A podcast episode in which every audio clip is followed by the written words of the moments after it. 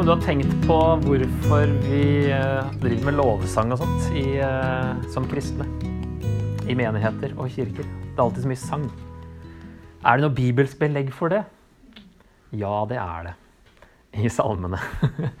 Så det er jo eh, Det er liksom grunnen til at det er sang har alltid vært en del av Guds folk, da. Helt fra israelittene her, det de skrev av salmer. Som nå er blitt en del av Guds ord til oss. Um, vi leser dem som regel, da, mens de sang dem. Og sang gjør jo noe mer med oss enn bare å lese en tekst, som regel. Um, Paulus skriver til flere uh, menigheter at de skal synge salmer. Og det er, virker som at de første kristne òg fortsatte å synge disse salmene fra Gammeltestamentet. Og i middelalderen, da, når Bibelen fantes kun på latin en god stund, så var salmene det de fleste vanlige mennesker kjente til. Og kanskje hadde selv òg. Det var kanskje litt sånn unntak eh, for å ha salmene.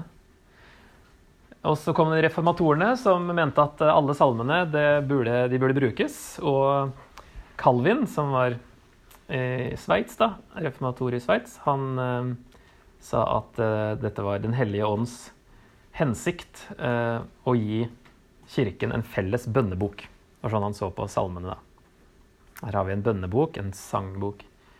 Det er jo ment å gjøre noe med oss når det er poesi, og faktisk er jo en tredjedel av Bibelen er poesi. Og da er det liksom følelser som er greia. Og her er det masse følelser i salmene. Det er meninga at vi skal respondere med følelsene våre på disse salmene. Ikke bare tanker og forståelse.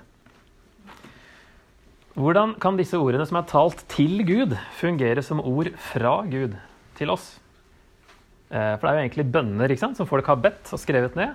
Eh, så ser vi jo at det er jo eh, mange av de som nok sprenger forståelsen til forfatteren, og at Gud var med og ga noen tanker som de ikke skjønte sjøl. Så det er jo inspirert av Gud, men, men nå er det liksom blitt en del av Guds ord til oss. Hvordan kan de da fungere? Da, altså De er en del av Bibelen for at vi skal gjøre mer enn å lese dem. La dem bli en del av oss, slik at de former hvordan vi forholder oss til Gud. De former hvordan vi forholder oss til Gud. Det er Guds måte å vise hvordan vi kan hengi oss til Ham. Og det er Guds ord til oss i spesifikke livssituasjoner. Det er det som er så spennende med salmene, at det, du finner stort sett alltid en salme som passer til hvordan du føler deg. Selv i de aller verste situasjoner, som vi kan se litt på, så har vi noen salmer som faktisk kan brukes. Så har jeg tre punkter, tror jeg. Hvorfor er salmene viktige? Eh, det første er at det er en, eh, de er en minibibel. Um, fordi de gir et overblikk over frelseshistorien fra skapelsen via Sinai-fjellet, møteteltet, tempelet, kongedømmet og eksilet. Og peker framover mot Messias, som skal komme med frelse og fornyelse av alt. Sånn at vi får, Når vi holder på med salmene samtidig, så får vi òg eh, liksom bibelhistorien. da i de forskjellige salmene. Ikke i rekkefølge, men at de er sveiper over det samme innholdet som Bibelen gjør. Det handler om hvordan Gud viser seg i naturen, hvordan han er, hva mennesket er, og om synd. Relevante ting. Så det er første punktet. Punkt to er at de passer enhver situasjon i livet. Eh, men som sagt, du kan finne en salme som passer uansett hvordan du føler deg. Og det er i salmene da en overraskende stor spredning i sinnsstemning. Og fra David som skriver fra det ene til det andre. altså Hvis du leser en salme, så er han eh, den salme 22, f.eks. Min Gud, min Gud, hvorfor har du forlatt meg? Alt er bare helt forferdelig. Salme 23. Herren er min hyrde, jeg mangler ingenting. så fra det ene til det andre. så det er, det er ikke sånn han skrev de etter hverandre nødvendigvis, men det er veldig sånn uh, sving. Og det er jo veldig fint da, å se at de var mennesker, de òg. Og at Gud har faktisk gitt oss en hel bok for alle sinnsstemninger. Som du kan uh, bruke salmene og gå til salmene når du, når du trenger det. Og da, da, kan salmen hjelpe deg til hvordan, hva skal jeg gjøre med dette her? Hvordan skal jeg respondere på de følelsene her og denne situasjonen? Og Keller sier da at eh, salmene forbereder og trener deg for enhver åndelig, sosial og emosjonell tilstand. De viser deg hva farene er, hva du bør huske på, hva holdningen din bør være, hvordan du kan snakke med Gud om det, og hvordan få den hjelpen du trenger fra Gud. Veldig nyttig. Men det hjelper oss å få rett perspektiv. For når man blir veldig, står midt oppi et eller annet og eh, ikke klarer å tenke klart og se klart, så kan salmene hjelpe oss til å gjøre det. da. Og snu liksom fokus riktig. Keller kaller det også for et medisinskap for hjertet og den beste guiden for livet i praksis. At salmene er det. Og foreslår Keller da å legge salmene inne i bønnene dine, eller legg dine bønner inne i salmene. Og så er det også det når du står midt oppi et eller annet og du sliter med å tenke rett og se rett, så vil jo salmene òg hjelpe oss til å se Gud sånn han faktisk er, og ikke sånn vi vil at han skal være. Og så er det noen ganger at du øh, føler at du har lyst Jeg har opplevd det noen ganger. da, Føler at jeg har lyst til å bare uh, synge en lovsang som priser Gud for hvem han er, uten å dra meg så mye inn i det. Det er av og til jeg føler det blir sånn ekstra slitsomt å synge en sang som handler liksom om meg og Gud. Men egentlig bare, kan bare fokusere på Gud nå. Minne meg på en måte om hvem Gud er. Men um, det kan være ganger du, du føler for det, og det er salmer som bare gjør det. Prise Gud. Uansett. Så det kan også funke selv om det liksom er sånn her 'nå er alt bra'-salme. Så kan det hende at det faktisk funker når alt ikke er bra òg. At det blir liksom tyngre å fokusere på deg sjøl, da. Um, hvis vi tar en grovinndeling da, av de viktigste typene salmer, så er det jo lovprisningssalmer. er jo mange av dem, f.eks. 8 og 117. Og det er jo liksom som regel når vi har det bra med Gud og 117 er veldig kort. Det er den korteste. Den er to, to vers. Det er bare pris Herren. um, klagesalmer er faktisk en tredjedel av salmene er klaging. Så her har vi masse klaging som vi kan identifisere med, og som det er helt lov å klage til Gud med. Bønner når vi sliter, og når vi er oppgitt eh, over oss sjøl, eller andre har svikta oss, eller når Gud føles langt borte. Det er ikke noe uvanlig at Gud føles langt borte. Masse salmer der David, selveste David, er liksom Hvor i all verden er du, Gud? De fleste av de salmene de ender faktisk med en lovprisning på slutten. At det løser seg på et vis. Det er én som ikke gjør det, salme 88. Og det er interessant. Her er det liksom bare klaging uten noe løsning. Men som regel så, så er det liksom litt sånn opptur på slutten. da. Men klagesalmene det begynner liksom med det negative, og så gir det som regel, da, unntatt Salme 88, en retning på hvor vi bør liksom fokusere. Så det er rom for å klage. Det er veldig fint. Takkesalmer er jo når f.eks. Gud har svart på en klagesalme. Så kommer det kanskje en takkesalme. Eller om du bare vil takke Gud for eh, hvem han er og hva han gjør. og hva han har gjort for deg. Så er det kongesalmer, f.eks. salme 2 og 110, som handler om enten Gud som konge eller den jordiske kongen da, i David og de andre, som ofte peker fram mot Jesus. Der har vi veldig mye som hentes opp igjen i Nytestamentet, med Jesus som eh, den store kongen, da, som de kongesalmene det sprenger ofte rammene litt. da. Det snakker om at kongen skal være konge over hele jorda, det skal være fred overalt og sånne ting. Det skjedde jo aldri ja, i en jordisk konges tid. Men eh, peker frem mot Jesus når han kommer tilbake.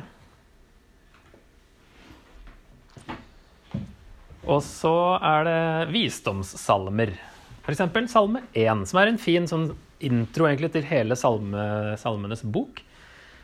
Der du får en sånn kontrast eh, med Guds veier og si, de rettferdige og går på Guds veier, og de urettferdige, de gjør ikke det. Sånn veldig sånn todeling som er veldig sånn typisk for salmene utover, da. Og salme 119 er jo den lengste, som handler om loven. Moseloven og Guds lov, hvor fantastisk den er. Så den er ganske lang, om, eh, der forfatteren er veldig glad i Moseloven.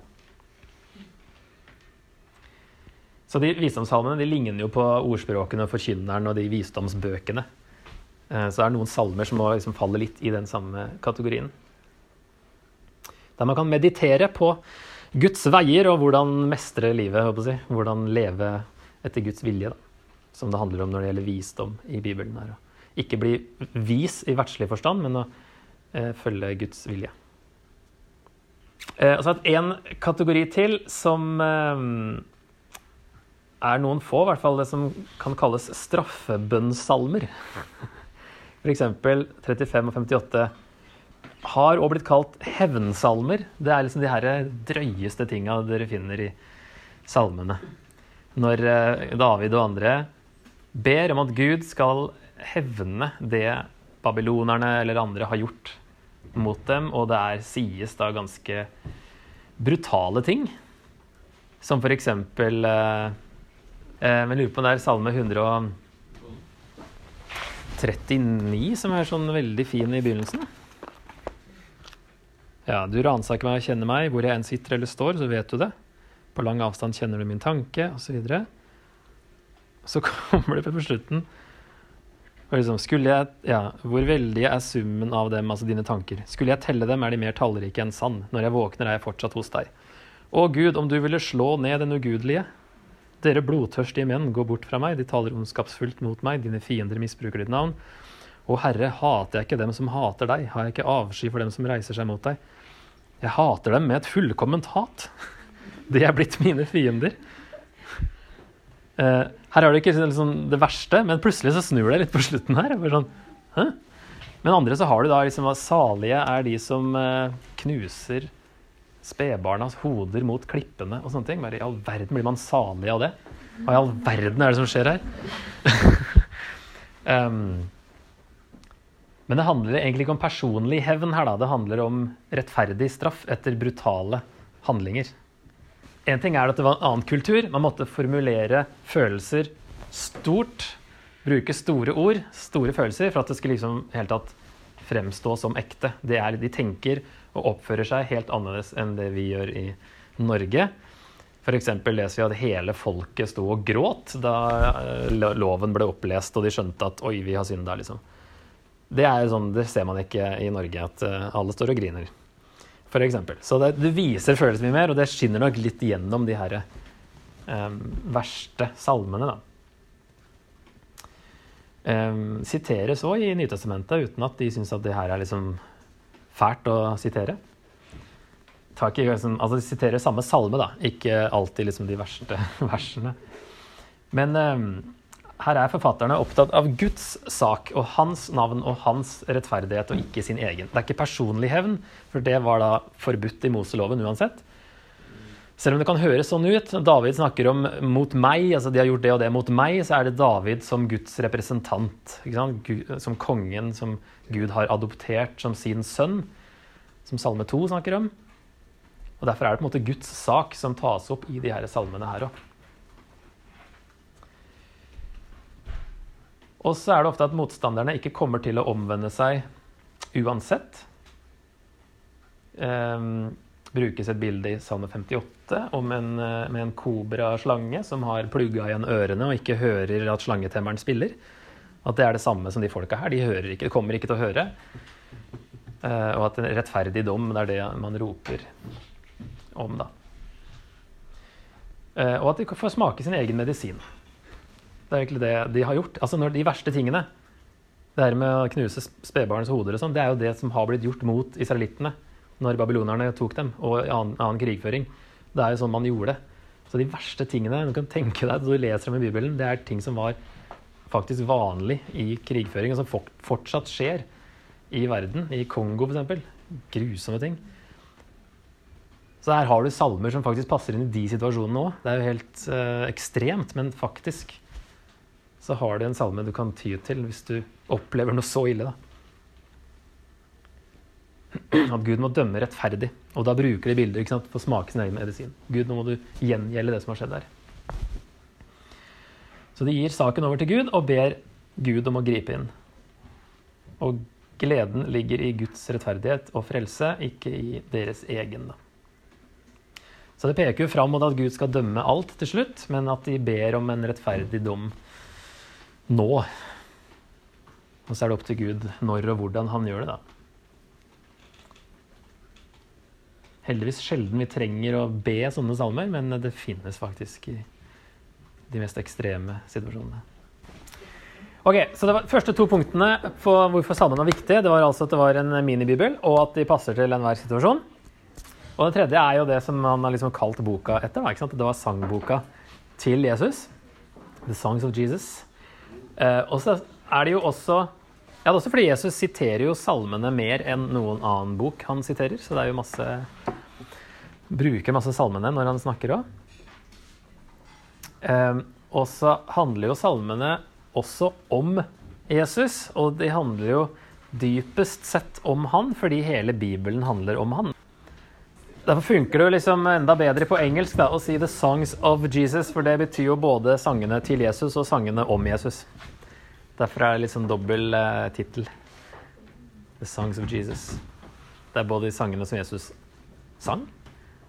De synger jo uh, etter uh, nattverd, f.eks., så synger de uh, noen salmer, står det. Og det var jo et fast oppsett av en rekke salmer, 113 til 118 eller noe sånt, som de sannsynligvis sang da. Og, og, så er det jo at det handler om Jesus. da, så The Songs of Jesus på en annen måte. Ok, så det var liksom den Hva skal vi kalle det? En mer sånn der, uh, intro som uh, hvordan det passer med livet osv. Så, uh, så da har vi litt sånn her mer teknisk info om forfatterne. Det er jo ikke bare David, men han har skrevet omtrent halvparten. Det er 73 som i hvert fall har navnet til David. Og så er det to av de anonyme som sies å være skrevet av David i Nytestamentet. Så det er litt vanskelig å vite hvordan eh, de så på det, og hvor mange det egentlig var. Men i hvert fall av det som navngis, da, så er det i hele Bibelen så er det 75, og det er jo akkurat halvparten. Og så er det Korasangerne, eller Korasønnene, som har skrevet 11. En som heter Asaf, har skrevet 12. Salomo har skrevet 2, og Moses har skrevet 1. Hvis man da kan tolke de titlene som at det er forfatterskap, og det er jo mest naturlig, men det kan òg bety en salme til Moses, f.eks.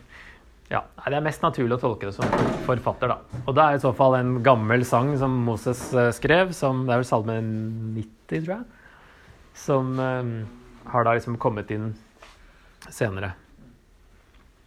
Og så anonyme er 49 stykker, da. Disse Kora-sangerne er jo liksom lovsangsledere, som også skrev noen salmer. Så det går jo over en lang tidsperiode, fra, egentlig helt fra Moses, da, men spesielt fra David. Han er jo den som assosieres mest med salmene. Til eh, etter eksilet. Så det er mange hundre år egentlig med sanger som er samlet. Bønner og sanger. Og så skal vi se på noe som er veldig nyttig for eh, salmene, og egentlig hele denne tredjedelen av Bibelen, som er poesi. Og det er det som kalles for parallellismer. Så blir det første store ordet. altså det har med paralleller å gjøre. Eh, kan også kalle det for tankerim. Altså måten det rimer på, da. Det er jo dikt, dette her, ikke sant? Eh, men selv om vi hadde oversatt eh, selv om du leser det på hebraisk, da, så er det ikke sånn at det rimer det siste ordet på hver linje, sånn som vi kanskje tenker at en sang ofte gjør, sånn som vi er vant til det. Så det er ikke sånn de rimte, men de rimer med tanker. De rimer med innholdet. Og da kan vi se på f.eks. Salme 33, 33,9. Så står det Han talte, og det skjedde. Han befalte, og det sto der. Ser vi noen paralleller mellom første og andre linje der? Han talte, han befalte ganske likt, på norsk òg. og så det to andre. Det skjedde, og det sto der. Så her har vi et veldig godt eksempel på det som kalles en synonym parallellisme. Der egentlig de to linjene sier det samme. Og det er veldig nyttig når man leser poetiske tekster i Bibelen, så er det ikke alltid du skjønner den første setningen, første linja. Så se på neste linja, så forklarer den veldig ofte linja over. Men sier det med andre ord. Og det, er, det bygges flere altså enn to, og det kan være flere paralleller. Så bygger det på hverandre, og det kan bli liksom sånn Vi skal ikke gå på det mest um, komplekse strukturene nå. Det her er liksom det enkleste, da. Men uh, det finnes liksom mer større kombinasjoner av dette her. Uh, så det er veldig nyttig når man da skal uh, ja, være sikker på, på, at man tolker en ting rett og forstår det, så må man ofte se på det som kommer etterpå. Så det er en synonym, for der sier de det samme, de to linjene. Og så eh, Salme 1 kan vi se på vers 6. Eh, så står det at Herren kjenner veien de rettferdige går, men de urettferdiges vei fører vill. Så det er ofte da at to linjer eh, Den andre linja begynner med 'men', og da får vi da en kontrast. Men fortsatt så er det paralleller, men Det er på en måte motsatte. Men pga. den 'men' så blir det sånn her minus og minus blir pluss, på en måte. Så det sier likevel det samme, men sier det med motsatt fortegn andre gangen, da, hvis dere husker det fra matten. Her er det jo parallellene. Er det noen som ser dem? Det er en som er ganske lett, da. Hvis vi har de rettferdige. Og altså det er motsatt parallell. De urettferdige.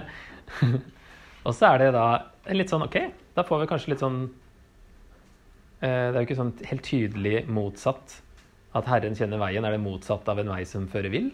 Men uh, det blir liksom litt dybde i det. da, at uh, Hvis du sammenligner de to, så, så, får man et lite budskap der. Så det er da det som kalles da en motsatt parallellisme på godt norsk. Um, og så er det da en til som er hakket litt mer komplisert, men som òg dukker opp i Paulus' brev, f.eks. Paulus òg bygger opp på samme måte. Selv om det ikke er alltid dikt, så kan man se det i strukturen generelt. Salme 104, vers 6-8, der står det Velsignet er Herren som ikke ga oss til rov for deres tenner, altså fiendene. Vi slapp fri som fuglen fra jegerens snare. Snaren røk, og vi slapp fri. Vår hjelp er i Herrens navn, Han som skapte himmel og jord. Her er det litt mer komplisert. Og det er den siste vi skal se på, da, for vi går ikke noe lenger enn det. Er det noen som ser noe paralleller eller struktur her? Det er jo en sånn pyramidegreie mm -hmm. hvor det siste og første er på en måte likt, og det neste ja. Det er jo en sånn såkalt eh, ABCCBA, hvis dere husker noe fra diktanalysen. så er det veldig tydelig her da, at uh, jeger, uh, fri, fri, fra jegeren snare er det samme som at snaren røk. Vi slapp fri som fuglen, og vi slapp fri. Den er veldig lik. Og her er det kanskje en parallell vi vi kan stoppe her òg. Her ser vi det veldig tydelig. Men så kan man òg ta med at nevner liksom Herren her og her, da og at han er vår hjelp, og at han ikke ga oss til rov. At det er en, ikke direkte med ord, men med innholdet sier liksom noe av det samme. Så det kalles eh, For å oversette det da, til godt norsk, så heter det en X-struktur. Jeg vet ikke om dere ser noe X her, men eh, den er liksom, man tenker seg sånn. da. Det går inn mot et sentrum. Og at eh, sentrum er liksom det viktigste. Eh, vi kan se en sånn i eh, Jeg tror at Paulus bruker en sånn i eh, Romerne 8, f.eks. Når han ramser opp alt som ikke kan skille oss. Hvem kan skille oss fra Kristi kjærlighet? Helt på slutten av Romerne 8. Trengsel, angst, forfølgelse, hungersnød, nakenhet, fare eller sverd. Det står skrevet, for din skyld blir vi drept hele dagen lang, vi blir regnet som slaktesauer. Men i alt dette skal vi mer enn seier, seire ved ham som elsket oss. For jeg er overbevist om at verken død eller liv, verken engler eller myndigheter eller makter, verken det som er nå eller det som skal komme, verken høyde eller dybde eller no, noen annen skapning, skal være i stand til å skille oss fra Guds kjærlighet. Så han begynner med 'Hvem kan skille oss?' avslutter med 'Ingenting kan skille oss'. Har en liste først, en liste til slutt, og i midten så er det da For din skyld blir vi drept hele dagen lang, vi blir regnet som slaktesauer, men i alt dette skal vi mer enn seire ved Han som elsket oss. Det er liksom sentrum går inn mot et sentrum og så ut igjen med en parallell. Så her bruker han den her X-strukturen. da. Og det er ikke bare der det brukes. Så det er greit å være klar over. Men det, er, altså det ligger poenger i strukturen. da. Det er veldig viktig å få med seg. Og at de har strukturert både enkelte salmer, men også hele bøker. At de har strukturert det etter eh, Altså, det er ikke tilfeldig. Eh, Bible Project-folka de kaller det for, eh, sier at forfatterne av Bibelen var 'literary geniuses'. Og, uh, og at det, er, det, ligger mye budskap bare i strukturen. Så det er veldig viktig å se på det, hvordan de har satt opp en bok. og Kan du finne budskap i liksom bare strukturen av en bok? Det er veldig spennende. Kiasme er da det tekniske ordet. Ofte en CH i jasme, fordi gresk X er en chi, altså CHI, så er det en X-struktur på norsk. En kiasme. Eh, ja, altså chi er jo den greske X. Så derfor har jeg bare kalt det for en X-struktur. Men eh, kiasme, hvis du er vant eller hørt ordet før, så, eller kiasme, så må du bare bruke det. Skrive det ned. Hvor er Jesus i salmene? Um, det er jo, altså Dypest sett, som sagt, så handler jo alt om han, men det er jo noen ting som, som er tydeligere enn uh, andre ting. Og som tydelig kobles sammen med Jesus i Nytestamentet.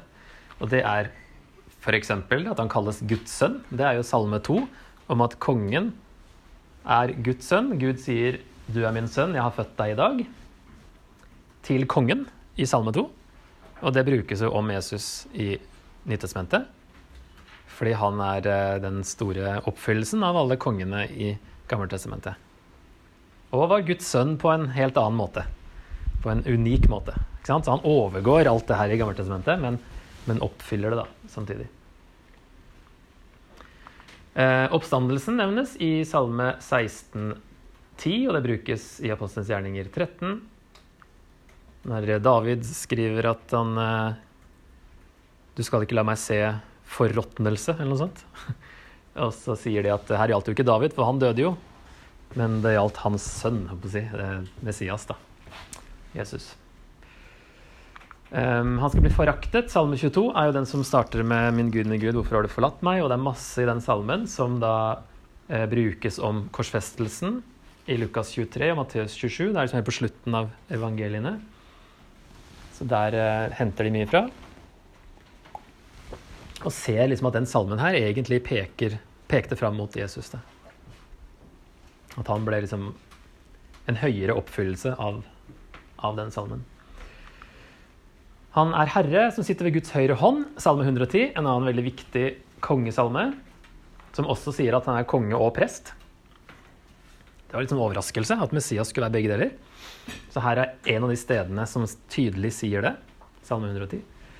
Den kommer om ikke så lenge i denne planen. Siteres veldig mye i hebreerbrevet, f.eks. Og Jesus òg snakker om steinen som ble vraket fra Salme 118. Som f.eks. nevnes òg i Apostelens gjerninger 4.